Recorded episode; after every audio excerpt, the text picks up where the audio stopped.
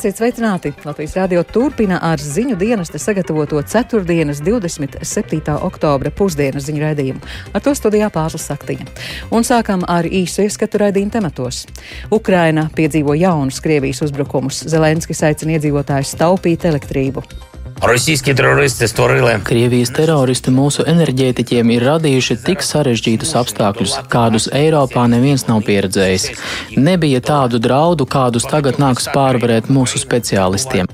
Aizejošā 13. saima kāpina valstī minimālo algu un nosaka kriminālu atbildību dzērāju šoferiem. Skaidrosim, kā enerģetiskās krīzes laikā klājas mazajiem uzņēmumiem. Paldies Dievam, mums nebija nekādas kredītsaistības, nekas tāds diezgan mierīga aizvēršanās. Jā, mēs esam internetā, turpinām, jo tomēr tie deviņi gadi ir nostrādāti un uh, mēs esam cīnītāji. Linti krūmos nemetam. Ukrainas pilsētas ir piedzīvojušas jaunus Krievijas uzbrukumus, kuros ir cietusi civilā infrastruktūra. Ukrainas prezidents Zelenskis mudina iedzīvotājus taupīt elektrību, lai mazinātu spiedienu uz daļēji nopostīto energoapgādes sistēmu. Izraels prezidents ir paskaidrojis, kāpēc viņa valsts nepiegādā pretgaisa aizsardzības sistēmas Ukrainai. Savukārt Krievijas vadītājs Putins nesot noskaņots runāt par kara izbeigšanu Ukrainā.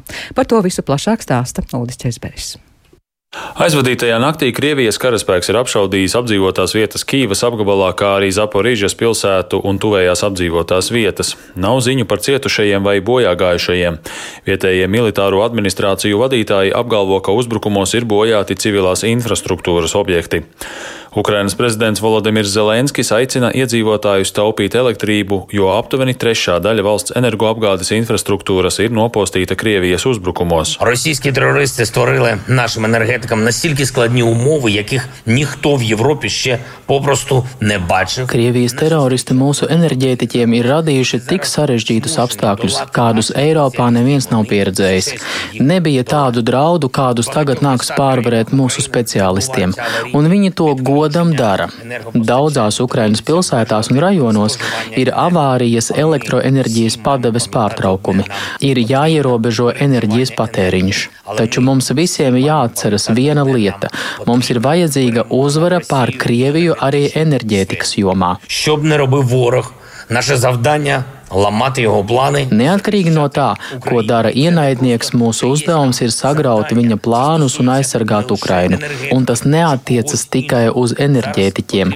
Tagad mums ir nepieciešams, lai visi Ukraiņi apzinīgi patērētu enerģiju. Lūdzu, izvēlieties savu schēmu, lai ierobežotu elektroenerģijas patēriņu, kamēr kopējā energosistēmā ir deficīts В загальній енергосистемі є дефіцит. Ukrainas gaisa spēki paziņojuši, ka trešdien divu stundu laikā ir izdevies notriekt 19 Krievijas dronus kamikādzes, kas uzbruka Odesas, Mikolaivas un Vīnicas apgabaliem. Līdz šim Krievija karā pret Ukrainu esot izmantojusi aptuveni 400 Irānā ražotos dronus kamikādzes Shahid, kas galvenokārt bija nomērķēti pa civilo infrastruktūru. Ukrainas pretgaisa aizsardzības sistēmām ir izdevies notriekt aptuveni 60 līdz 70% dronu. Iepriekš Ukrainas prezidents Zelenskis apgalvoja, ka Krievija no Irānas ir iegādājusies aptuveni 2400 dronu Shahid. Krievija un Irāna noliedz, ka šie bezpilota lidaparāti tiktu izmantoti Ukrainā. Ukrainas vadītāji ir kritizējuši Izrēlu par nevēlēšanos piegādāt pretgaisa aizsardzības sistēmas, kuras varētu izmantot pret Krievijas raķetēm un Irānas droniem. Izrēlas prezidents Itshaks Hercogs, kurš šonadēļ viesojās ASV, noraidīja šos pārmetumus kā nepamatotus.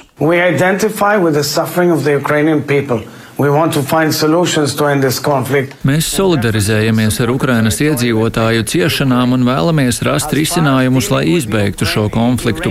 Un mēs pilnīgi noteikti atbalstām Ukrainas teritoriālo nedalāmību.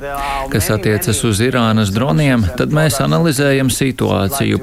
Ir daudzi, daudzi risinājumi un produkti, kurus var piegādāt Ukrainai. Bet ir lietas, ko mēs nevaram izdarīt tehniski. Ir ieroči, kuriem mums nav pat eksporta versijas. Ir lietas, kas nedrīkst nonākt mūsu ienaidnieku rokās. Ir noslēpumi, kurus mēs nevaram nodot tālāk. Bet, ja vien varam palīdzēt, mēs cenšamies palīdzēt. But wherever we can help, we're trying to help. Arī situācija frontē nav mierīga. Pašlaik smagas kaujas norisinās pie Bahmutas un Avdīvkas pilsētām Donetskas apgabalā. Ukrainas puse apgalvo, ka Krievija šajos rajonos netaupa nedz dzīvo spēku, nedz artilērijas uguns spēku, lai uzbruktu Ukrainas armijas pozīcijām. Savukārt okupētajā Hersonas pilsētā Krievija ieved nesen mobilizētos karavīrus, kas liecinot par Krievijas gatavošanos ielu kaujām, paziņojis Ukrainas aizsardzības ministrijas galvenās izlūkošanas pārvaldes priekšnieks Kirilo Budāna. Romanovs. Tajā pašā laikā no Helsonas un tuvējās apkaimes izvedot okupācijas varas ielikteņus. Pašlaik lietaino laikapstākļu dēļ Ukrainas karaspēka virzība Helsonas virzienā nenotiek tik strauji kā iepriekš, tomēr ir sagaidāms, ka drīzumā varētu sākties kaujas par pilsētas atbrīvošanu. Domnīcas kara izpētes institūts eksperti norāda, ka Krievijas prezidenta Vladimira Putina retorika neliecina par to, ka viņš būtu ieinteresēts miera sarunās ar Ukrainu. Tieši pretēji, viņš vēloties turpināt karu, lai sasniegtu militāru uzvaru Ukrainā un panāktu Krievijai pakalpīgas valdības iecelšanu Kīvā. Uldis Česberis, Latvijas radio. Rietuma Eiropas valstīm vajadzēja vairāk ieklausīties Baltijas un Polijas valstu viedokļos par Kremļa īstenoto politiku. Šādai atziņai piekrīt Eiropas parlamenta priekšsēdētāja Roberta Metzola. Viņa ir ieradusies Rīgā, lai uzrunātu saimnes deputātus, kā arī piedalītos parlamenta simtgadē veltītajās svinībās. Metzolas vizīte notiek laikā, kad visus eiropiešus vieno rūpes par enerģetisko krīzi. Intervijā Latvijas Rādio Metzola uzsvēra, ka Eiropas parlaments ieņem vadošo lomu rūpēs par to, lai pieņemtie lēmumi būtu efektīvi un sasniegtu iedzīvotājus. Pat labam Eiropas parlaments sagaida spēcīgākus priekšlikumus no Eiropas komisijas par enerģētiskās krīzes risinājumiem. Ar Eiropas parlamenta priekšsēdētāju Robertu Metsolu pirms vizītes Latvijā runāja Artems Konhaus. So you you Tad jūs sakat, ka vēlaties redzēt no komisijas spēcīgākus priekšlikumus. Līdz ar to var saprast, ka ar esošajām idejām par gāzes uzpildīšanu un kopīgajiem iepirkumiem ir par maz. Vai jūs uzskatāt, ka vajadzētu vienotu sociālo atbalsta instrumentu, līdzīgi kā šūra programma Covid laikā? There is a discussion at the moment to, to see whether there is another Shore, a Shore 2 um, program uh, that has shown uh, such effectiveness. Pašlaik tiek diskutēts, vai vajadzētu ieviest vēl vienu šūru programmu, kas ir bijusi ļoti efektīva. Tāpat parlamentā tiek diskutēts par iespēju pārskatīt daudzgadu budžetu un radīt pašu ieņēmumus Eiropas Savienībai. Mūsu tradicionālais finansēšanas modelis, kas sastāv no septiņu gadu sarunām un septiņu gadu ieviešanas, nav piemērots mūsdienu krīzei. Tajā pat laikā mums ir sev jāuzdod jautājums par to, ko esam darījuši ar atjaunošanas un noturības mehānismu līdzekļiem, kā arī nākamās paudzes Eiropas Savienības programmu. Mums ir jānodrošina, ka pilnībā tiek izmantot arī pāri paredzētie fondi. Tās ir investīcijas zaļajā enerģijā, kas beidzot ļaus mums pārtraukt atkarību no Krievijas gāzes un pārējiem fosilējiem kurināmajiem. Tie ir svarīgākie likumdošanas priekšlikumi, pie kuru pieņemšanas mēs aktīvi strādājam. Otrkārt, ir nepieciešamas ekonomiskā atbalsta programmas, kas varētu palīdzēt tām sabiedrības grupām, kam tas ir visvairāk vajadzīgs. Treškārt, mums ir jāparāda, ka mēs 2019. gadā ievēlētie likumdevēji spējam būt atbildīgi savu vēlētāju priekšā. Toreiz uzmanība tika pievērsta migrācijai, tad pandēmijai un veselības savienībai. Tagad uzmanības centrā vairāk ir drošība un aizsardzība, bet arī palīdzība rēķinu apmaksā.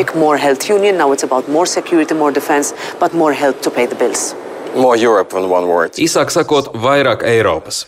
Parlaments par to jau cīnās diezgan ilgi, bet vairākās dalību valstīs nebūtu ne visi tam piekrīt. Not But not only parliament, because you know, uh, perhaps something that even I was surprised about uh, upon my election in January. Ne tikai parlaments, ne tikai. Ziniet, kad mani ievēlēja janvārī, pat es biju pārsteigta, ka daudz kas notiek nevis tā kā līdz šim, kad lēmumi tika pieņemti Briselē un tad izskaidroti dalībvalstīs, bet gan otrādi. Mūsu iedzīvotāji sacīja mums, ka vēlas palīdzēt Ukrainai. Viņi sacīja, ka vēlas redzēt, ka tiek izrādīta solidaritāte. Kur ir solidaritāte? Tikai Eiropa to spēja nodrošināt. Tikai Eiropa to spēja paveikt pandēmijas laikā, un esmu pārliecināta, ka Eiropa spēs to turpināt arī gaidāmajos mēnešos. Dzirdējāt uh, uh, Eiropas parlamenta uh, priekšsēdētāju Robertu Metsolu.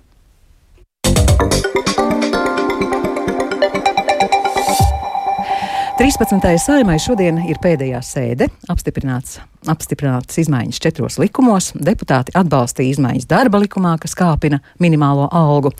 No nākamā gada minimālā alga valstī būs 620, bet no 2024. gada 700 eiro.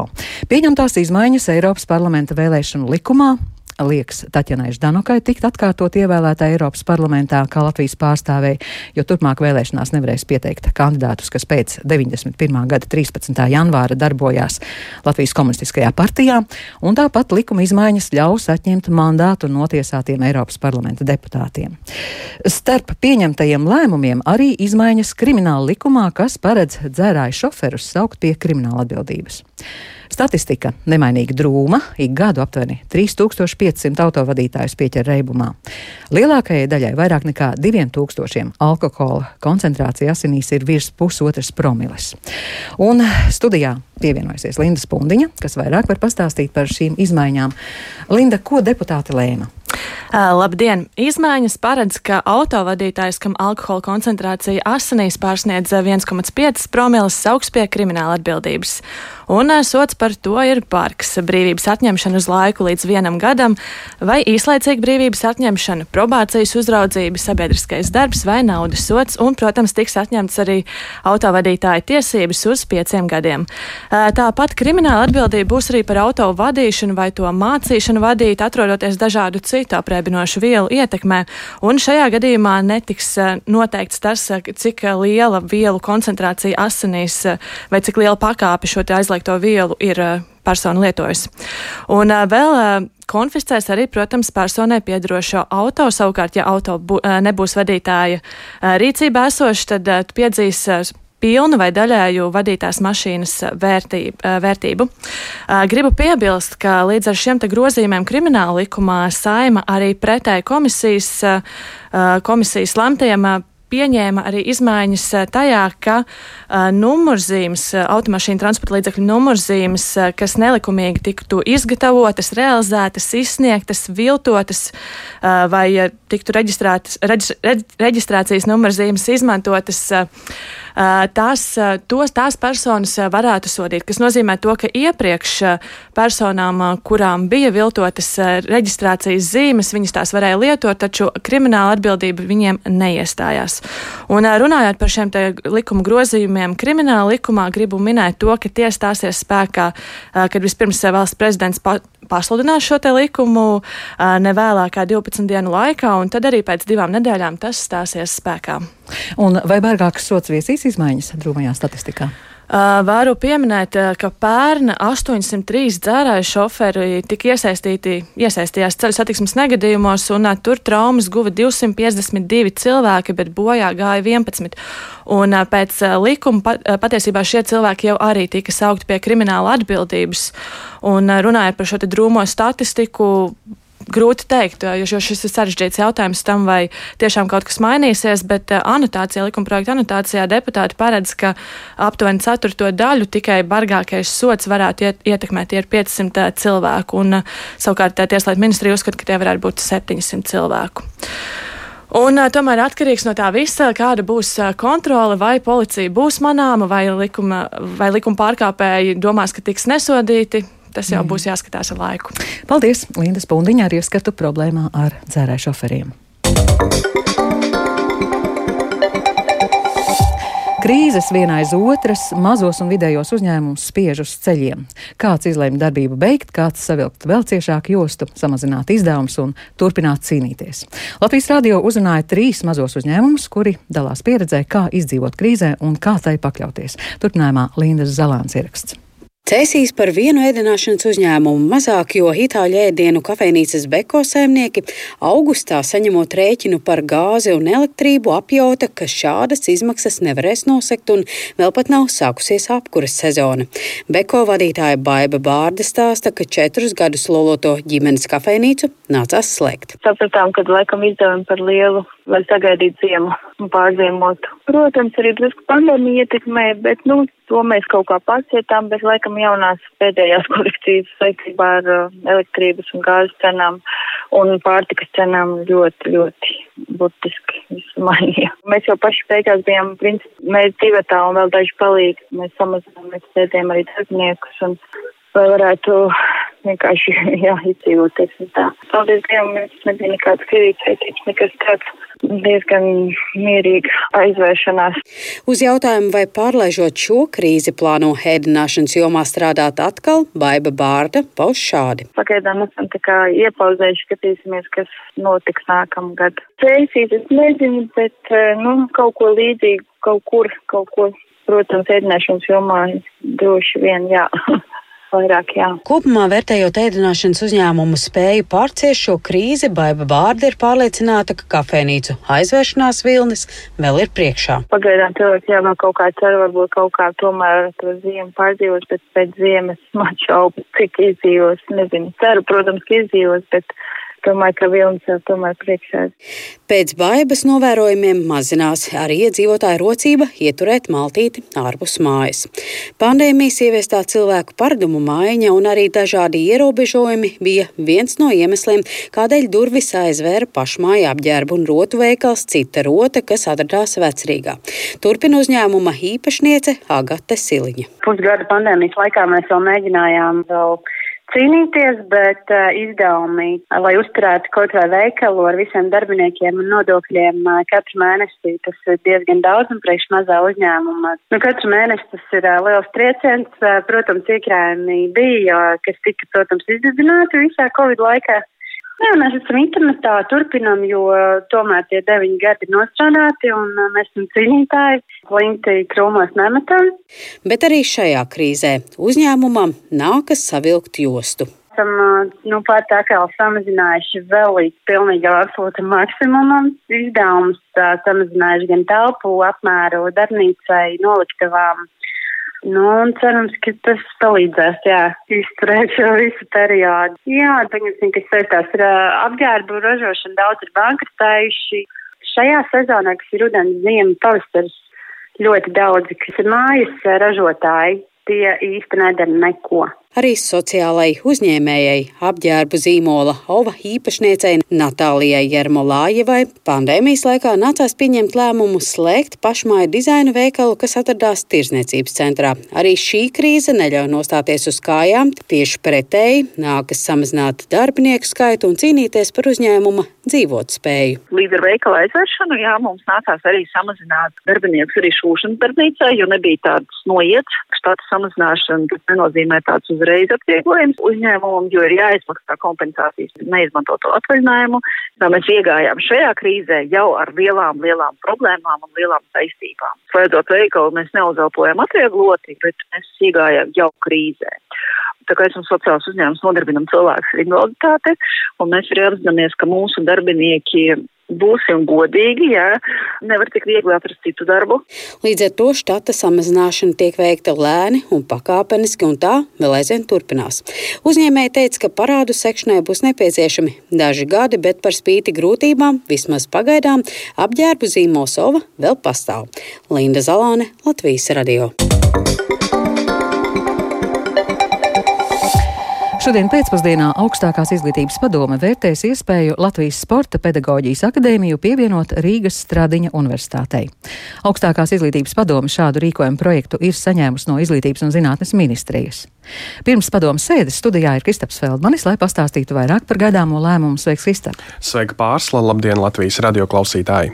Kristap, izstāsti lūdzu, kāda ir šī lēmuma būtība? Jā, nu tātad augstākās izglītības padome ir saņēmusi šīs atbildīgās ministrijas rīkojumu projektu, un um, tas uh, augstākās izglītības reformas ietvaros paredzētu Latvijas Sporta pedagoģijas akadēmijas pievienošanu Rīgas Stradiņa universitātei. Uh, ministrijas valsts sekretāra vietnieks un augstākās izglītības departamenta direktors Dmitrijs Stepānovs Klaus sarunā ar mani skaidroja, ka šī reorganizācija notiek līdz ar daudzām citām, kopumā piecām. E, piemēram, jau ir lēmums, ka no 1. novembra tātad tūdaļ Latvijas Jūras akadēmija tiks pievienot Rīgas Tehniskajai universitātei, un nu, šis ir līdzīgi. E, ministrija paredz, ka LSPA turpinās strādāt kā atsevišķa iestāde Stradiņa universitātes struktūrā, taču, lai varētu sākt šādu pievienošanu, tad ir nepieciešama augstākās izglītības padomas zaļā gaisma, un to tad arī šodien četros pēcpusdienā lems, vai to dot vai nē. E, padomas priekšsādātājs Andris Teikmanis gan skaidroja, ja būs nepieciešama papildu informācija vai sagatavošanās, tad lēmums var arī šodien netikt pieņemts. pieņemts. Lūdzu, paklausīsimies, ko sarunā ar mani stāstīja Andris Teikmanis mūsu, kā augstākās izglītības padoms, arī vēlme ir saprast, cik lielā mērā visas iesaistītās puses šobrīd ir gatavas un vai tas ir tas labākais risinājums, lai no tā procesa ieguvēja pirmām kārtām būtu studējošie, tad augstskolu, akadēmiskais personāls, darbinieki un, protams, rezultātā arī Latvijas valsts. Tā augstākās izglītības padomas priekšsēdētājs mm, Andris Teikmanis mm, par šodienas sēdē lemjamo jautājumu. Un ko par šādu iespēju sporta akadēmijas pievienošanu Stradiņu universitātei saka abas iesaistītās mācību iestādes? Jā, sazinājos arī ar abu mācību iestāžu pārstāvjiem. Rīgas Stradiņu universitātes rektors Aigars Petersons uzsvēra, ka šādā lēmumā ļoti svarīgs ir tieši LSPA, tātad pievienojamās struktūras viedoklis. Petersons gan pauda, ja būs lēmums pievienot akadēmiju universitātei, tad Rīgas Stradiņu universitāte ir gatava to organizēt un darīt? Mēs, protams, respektējam Latvijas Sports pedagoģijas akadēmiju. Mēs esam pauduši gatavību šādam procesam bet lēmums ir akadēmijas pusē. Mēs gatavi sadarbībai. Tajā pašā laikā mēs neuzstājam uz šādu sadarbību. Tā var būt tikai no abām pusēm brīvprātīga sadarbība. Jā, dzirdējāt Rīgas Stradiņu universitātes rektora Aigara Petersona sacīto. Šo ieceri gan daudz kritiskāk uztver Latvijas Sporta pedagoģijas akadēmijā. Tās pārstāve Ilze Āķa Vīksne neslēpa, eh, ka šīs ziņas radījušas neizpratni un satraukumu kā studējošiem, tā arī darbinieku vidū. Eh, šādu ieceri viņi sauc par neatbilstoši sākotnējiem plāniem, proti akadēmija bija plānojusi attīstīt sadarbību ar universitāti, taču nu, noteikti nekļūt par kādu tās daļu. Lūdzu, Āķis Vīksnes sacītais. Sporta akadēmijai tas ir ļoti negaidīts pavērsiens, jo mums tika dots laiks līdz 2026. gadam sadarbībā Rīgas Tradiņu universitātes strādāt pie sadarbības ceļa kartes, lai mūsu augstskola paliktu autonoma un iekļautos Stradiņu universitātes ekosistēmā. Šobrīd negaidīti šīs jautājums tiek bīdīts cauri varas gaiteņiem un ir ļoti daudz mums neatbildētu jautājumu. Jā, dzirdējāt Latvijas Sporta pedagoģijas akadēmijas pārstāvi Ilzi Āķi Vīksni. Viņa uzsvēra, ka augstskola vēlas palikt autonoma un aicināja nepiļaut sasteigtu lēmumu pieņemšanu, kā viņas prāt tas noticis savulaik Policijas akadēmijas un Rīgas pedagoģijas un izglītības vadības akadēmijas gadījumos. Vēl gan jāpiebilst, ka augstākās izglītības padomas sēde notiks šodien, četros pēcpusdienā, un padomas priekšsādātājs Andris Teikmanis izteica prognozi, ka kas vairāk varētu būt zināms ap sešiem vakarā. Jā, paldies, Kristaps Feldmanis, par šodien gaidāmo augstākās izglītības padomas lēmumu par Latvijas Sporta pedagoģijas akadēmijas pievienošanu Rīgas Stradiņa universitātei.